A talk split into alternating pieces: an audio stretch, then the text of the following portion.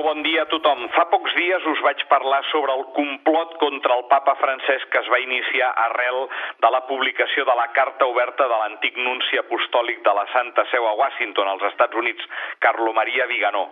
Aquesta carta, maliciosament programada, s'havia fet pública justament mentre el papa Francesc era a Irlanda, en la cluenda de la novena trobada mundial de les famílies, i tot demanant perdó pels nombrosos casos d'abusos sexuals a menors produïts per eclesiàstics a Irlanda.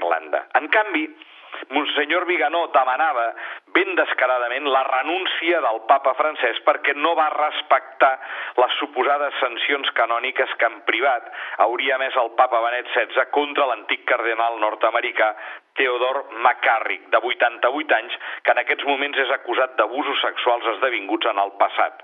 Per tant, imagineu-vos que mentre el papa està demanant perdó, algú l'acusa d'encobridor i en demana la seva renúncia. Alguns, arrel d'això, m'han demanat qui hi ha al darrere de tot això. En primer lloc, cal dir que ja des de bon principi hi ha hagut un bloc que s'ha manifestat sempre en contra del papa Francesc i que potser ara és el moment en el qual més es fan veure públicament i quan més estan utilitzant els mitjans públics. D'altra banda, hi ha una sèrie de pàgines digitals que es dediquen a malmetre tant com poden la imatge del papa Francesc i a deslegitimar-lo. Per tant, també tenim periodistes que es dediquen a aquesta causa. Aquest és el cas, per exemple, del periodista i vaticanòleg italià Marco Tossatti, que ha reconegut públicament que va estar durant més de 3 hores a casa seva donant forma a les 11 pàgines de la carta del nunci Viganó contra el papa. Tossati té un blog en un dels diaris digitals que més segueix la recerca dels errors del papa francès, que és Infovaticana. Pel que fa als interessos que hi puguin haver al darrere del complot contra el papa francès, també hi ha els que hi veuen la mà del cardenal Raymond Leo Burke, que ja va fer una oposició clara contra el papa per matèries doctrinals sobre l'exhortació apostòlica possionidal Amoris Letizia. Darrere d'aquest cardenal hi ha qui, ve, qui també hi veu un altre personatge ben estrany, Steve Bannon, l'excap d'estratègia de Donald Trump, ho explicaven molt bé la Míriam Díaz i el Jordi Llisterri a l'informatiu digital Catalunya Religió, recordant que Bannon és el nom que hi ha al darrere de l'ús de les falses notícies, els fake news, com a arma política per impulsar Trump a la presidència.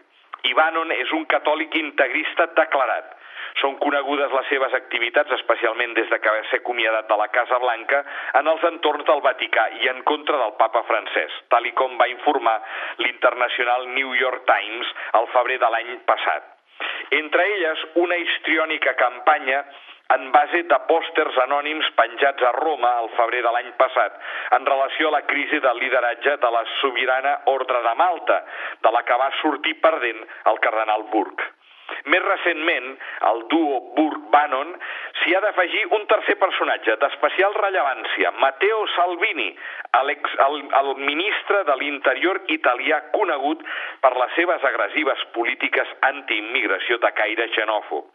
Salvini i Bannon, que es coneixen, han atacat també el Sant Pare per la seva croada en defensa dels drets dels migrants. I enmig de tot plegat, el fins ara desconegut Dignitatis Humani Institut, amb seu a l'abadia de Trisulti a pocs quilòmetres de Roma, dirigit per Benjamin Harvell, un catòlic britànic ultraconservador i declarat admirador de Bannon.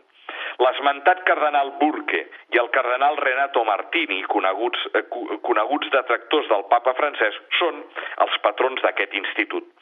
Tot això sense parlar de les reaccions que ha comportat la recent revisió del catecisme respecte de la pena de mort. L'extrema dreta americana no li perdonarà mai al papa francès que ja no puguin parlar a favor de la pena de mort com a catòlics. Arrel de tot això, aquests dies he recordat les paraules que em va dir aquí a Barcelona el reconegut vaticanista italià Andrea Tornielli, periodista que té un blog molt seguit que es diu Vatican Insider i que es troba dins de la versió digital del prestigiós diari italià L'Estampa. Tot parlant dels grups que es manifesten ja clarament com a opositors del papa Francesc, ell ens va dir que es, el, ens malfiéssim dels qui critiquen el papa per les seves postures doctrinals ja sigui sobre la família, el matrimoni, l'acceptació a la comunió dels divorciats i tornats a casar o l'acceptació dels homosexuals. Ell em deia, no són les qüestions doctrinals les que molesten a aquests sectors, són les seves postures i els seus discursos socials del papa Francesc. Això és el que els hi molesta. Molt bon diumenge a tothom.